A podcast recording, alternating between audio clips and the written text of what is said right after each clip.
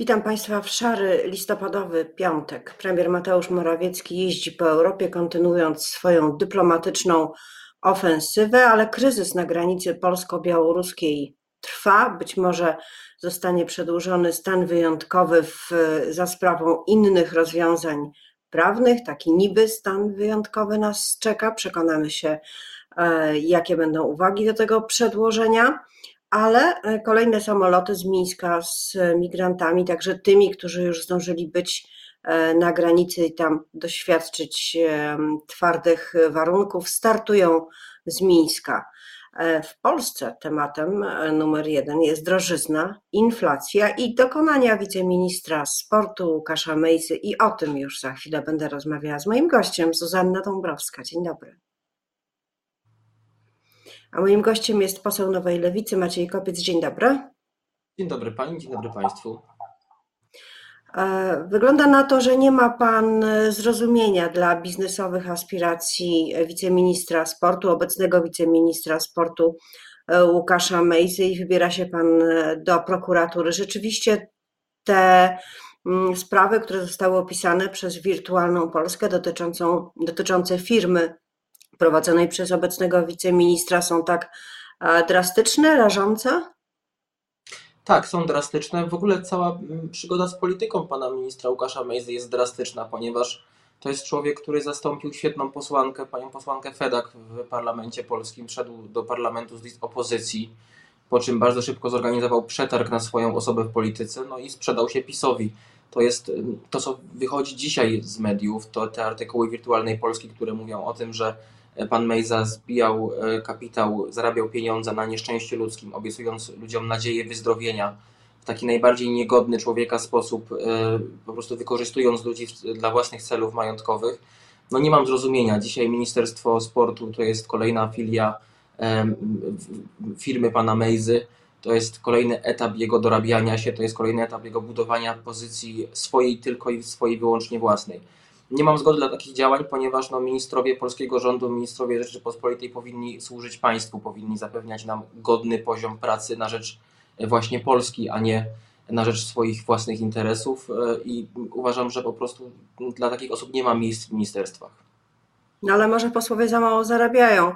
Trochę kpię, y, bo niedawno przecież była podwyżka uposażeń poselskich. Mówi Pan bardzo twardo, te, wygłasza Pan te stwierdzenia, a czy sądzi Pan, że w sferze dowodów e, to rzeczywiście jest się na czym e, oprzeć? Minister mówi, że sprzedał firmę, dziennikarze mówią, że cały czas w KRS figuruje jako prezes, mimo że firma zdążyła zmienić nazwę. W jaki sposób i czy będzie Pan dochodził prawdy w sensie dowodowym? E, wspólnie z Anitą Kucharską-Dziedzic, posłanką z Lubuskiego, złożyliśmy doniesienie do prokuratury o zawiadomienie o możliwości popełnienia przestępstwa. Liczę na to, że to zostanie rozpatrzone jak najszybciej. E, natomiast uważam, że za tym krokiem dzisiaj będę apelował na konferencji prasowej także o to, by pan Mejza podał się do dymisji, bądź by zrobił to za niego Mateusz Morawiecki, ponieważ uważam, że w takiej sytuacji wyjście jest tylko jedno. E, dymisja, rozwiązanie tej sprawy i ewentualnie starania się pana Mejzy o powrót do ministerstwa, jeżeli już musi być ministrem. E, to jest bardzo twarde, ponieważ w normalnym. Proszę? Panie pośle, y, zwykle, kiedy opozycja żąda dymisji ministra czy wiceministra, to bardzo go wzmacnia. Zdarza się tak, że już potem otrzymuje kwiaty. Czy tak nie będzie i tym razem? Czy też zaplecze polityczne y, ministra Mejzy jest zbyt wątłe? W normalnym, czyli praworządnym kraju, który kieruje się przyzwoitością, w którym, w którym ta przyzwoitość jest na sztandarach ludzi, którzy sprawują w nim wysokie funkcje, ta dymisja już powinna być kwestią honorową i pan Mejza powinien sam ją wykonać. Natomiast e, skala tych dowodów, skala tych informacji, które na temat pana Mejzy docierają, e, na temat jego poczynań przed e, tym, zanim został politykiem i już w trakcie tego, jak, jak jest tym politykiem, jest wystarczająca po to, żeby, żeby do takiej dymisji doszło. Ponadto, nie tylko jako opozycja zgłaszamy się z tym wnioskiem do Mateusza Morawieckiego, ponieważ mówią to też posłowie Zjednoczonej Prawicy, że ten człowiek powinien podać się do dymisji, że ten człowiek nie powinien pełnić tego stanowiska i tutaj poparcie akurat dla tej tezy jest e, on na polskiej scenie politycznej co, za, co, co rzadkie od lewa do prawa. Czy nie ma Pan uczucia, że e, nadszedł czas taki jesienny, ale także trochę jesienny w polityce, to jest Druga połowa drugiej kadencji Prawa i Sprawiedliwości, kadencji bardzo trudnej i kontrowersyjnej, ale coraz więcej dociera takich właśnie informacji jako wiceministrze, E, informacji, które mm, no, mówią o zmęczeniu władzą, o tym, że mm, nastroje, tak jak się mówi w kuluarach, szalupowe są coraz bardziej, e, coraz głośniejsze, coraz, e, coraz ich więcej. Obserwuje Pan takie zjawisko w Sejmie? Znaczy definitywnie i bardzo dobrze obserwuję to zjawisko. Bardzo dobrze z tego powodu, że uważam, że ten rząd zmierza ku końcowi i on się, jeżeli nie w przyspieszonych, to w 2023 roku na pewno E, skończy. To są, to są lata, w których e, Prawo i Sprawiedliwość już nie wytrzyma pewnych kwestii, które samo spowodowało. To jest inflacja, to są kryzysy, e, to jest łamanie praw człowieka, to jest odseparowywanie się ciągle od Unii Europejskiej. To jest działanie na szkodę Polski tak naprawdę. PiS w tym momencie nie robi nic innego, PiS Zjednoczona Prawica, czyli PiS Solidarna Polska, nie robią w tym momencie niczego innego poza umacnianiem pozycji swojej partii i pracy na rzecz partii. To jest taka partiokracja w czystym E, wydaniu, oni w tym momencie wiedzą, że ich rządy się kończą i zrobią przez ten czas, który im pozostał, wszystko, żeby e, niestety e, kosztem Polski jak najlepiej dla siebie zrobić, a nie dla obywateli i obywatelek Polski. Ale naprawdę jest Pan przekonany, że to będzie koniec, a może jednak będzie tak, że Prawo i Sprawiedliwość, które i tak przewodzi w sondażach, na trochę niższym poziomie, to prawda, ale jednak wciąż y, przewodzi, y, da radę jeszcze raz i załatwi sobie trzecią kadencję u wyborców. Mm, wydaje mi się, że gospodarka będzie tutaj czynnikiem, który, której e, w PiSie nikt nie przewidział, ponieważ nie mają specjalistów i że gospodarka, inflacja, e, ten realny spadek życia, e, spadek jakości życia Polek i Polaków, spadek wartości nabywczej pieniądza spowoduje, że ten czynnik finansowy będzie decydujący i przez tą gospodarkę, dzięki tej gospodarce mm, Partia Kaczyńskiego straci władzę. No właśnie, doszliśmy do gospodarki, a ta nieuchronnie wiąże się z pieniędzmi. E, miało być tak pięknie, miały być pieniądze z Krajowego Planu Odbudowy na to, żeby kraje członkowskie podnosiły się e, po pandemii. Tymczasem pandemia trwa, pieniędzy w Polsce nie ma. Mało tego, plan nie dorobił się nawet uwag ze strony E, Komisji e, Europejskiej. E, cały czas na pierwszym planie jest praworządność i to, co trzeba zrobić z Izbą Dyscyplinarną i inne warunki.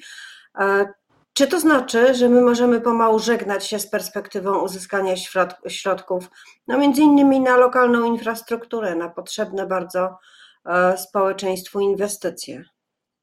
Pani redaktor, Unia Europejska to nie jest bankomat. Nie możemy traktować Unii Europejskiej jako bankomat, jako miejsca, w którym jedziemy po pieniądze. Unia Europejska to jest zbiór wartości.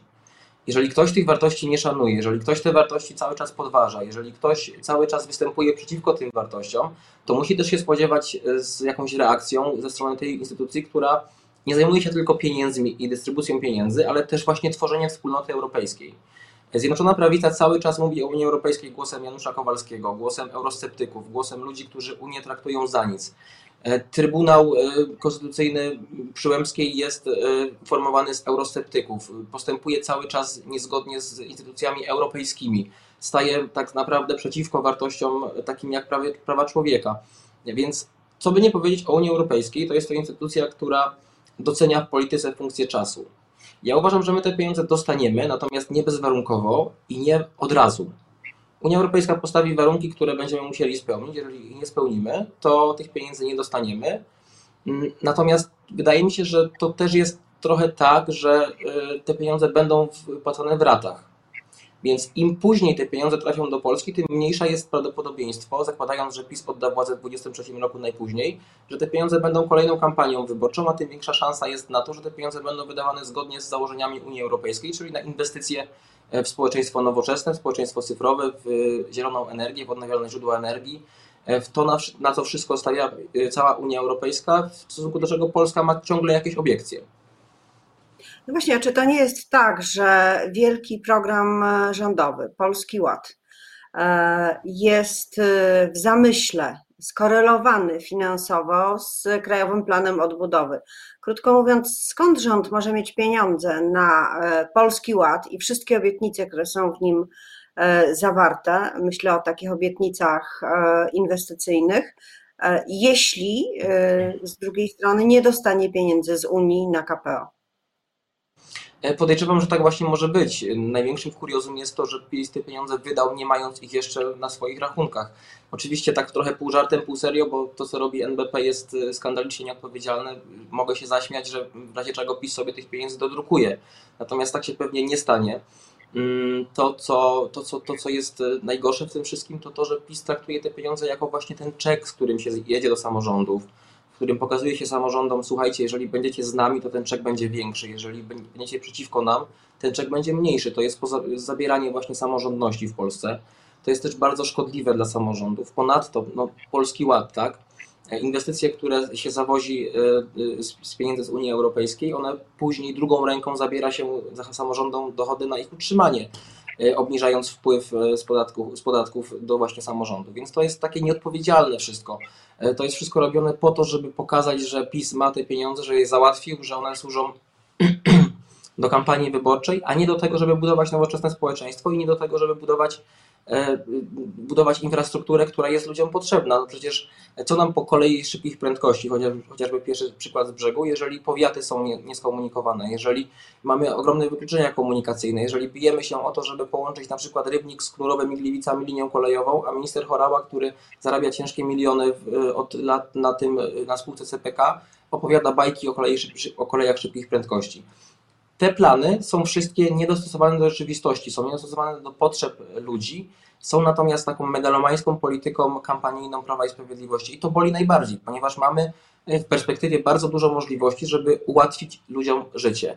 Ponadto kolejne inwestycje, które planujemy, nie opieramy ich na przykład o wyniki spisu powszechnego, bo możliwe, że centralizacja jest niepotrzebna. Kiedyś, skupiały się, kiedyś życie skupiało się wokół dużych miast, dzisiaj możliwe, że te mniejsze miasta mają większą wartość społeczną niż duże miasta. Nie wiemy tego jeszcze. Nie możemy planować polityki w oparciu o pieniądze z Unii Europejskiej, które będą, natomiast które będą, to nie jest tak, że one będą cały czas. My musimy przemyśleć, jak je wydajemy. Musimy to zaplanować na 30 lat do przodu.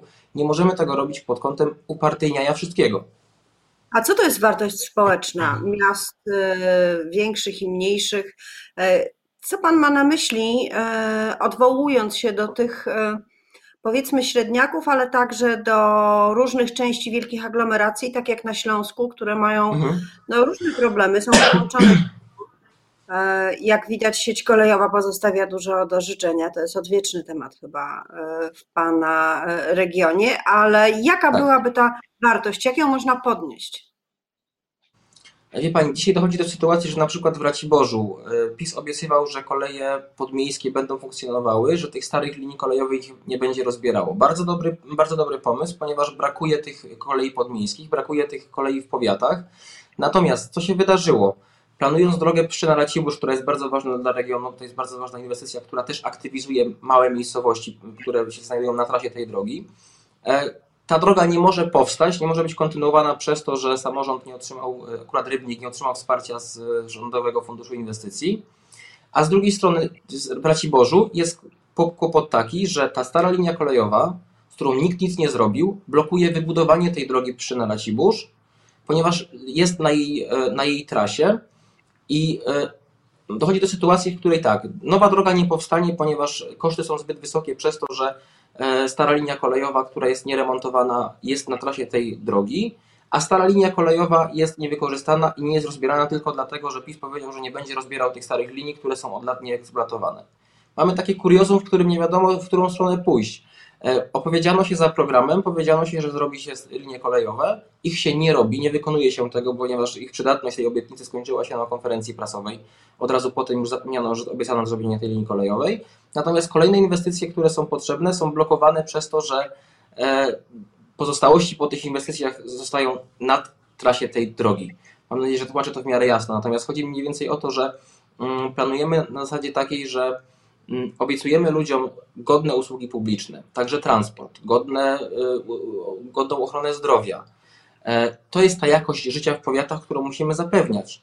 To nie jest tak, że mieszkanie z małej miejscowości jest gorszy i nie, nie, nie, ma prawa do tego, żeby dojechać autobusem, czy dojechać pociągiem do y, miejsca pracy, do lekarza, do chociażby y, miejsca, w którym potrzebuje po prostu się przemieścić to jest ta jakość usług publicznych. Państwo powinno zagwarantować te, jakość, te, to, te usługi publiczne w najmniejszych miejscowościach.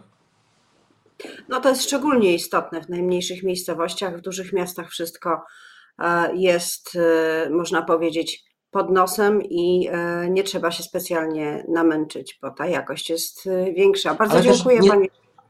Też nie znamy trendów, ponieważ możliwe, że ludzie po pandemii już chcą właśnie mieszkać w mniejszych miastach, nie tylko w dużych miastach.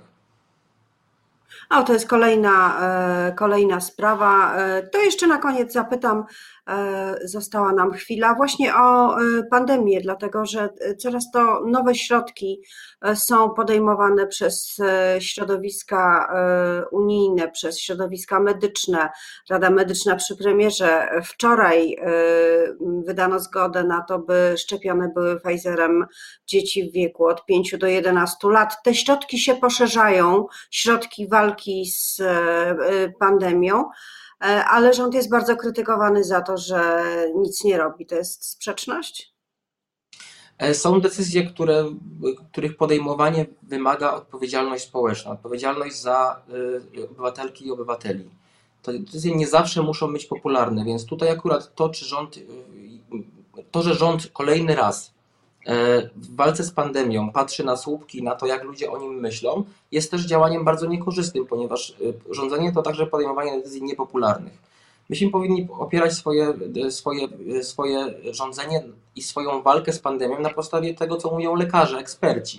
Także tutaj y, całą tą walkę, całą tą walką z COVID-19 opierałbym o to, co mówią eksperci i nie bałbym się tutaj rozwiązań, które mogą być niepopularne, ale ratują życie obywatelek. Po prostu. PiS tego nie zrobił od samego początku, znowu myśląc o tym, e, jak na pandemii zarobić, zamiast y, skupić się na tym, żeby tą pandemię rozwiązać zgodnie z zaleceniami ekspertów i ekspertek, nie uprawiając propagandy, wdrażając odpowiednie środki, także dla dzieci właśnie, o czym Pani mówi.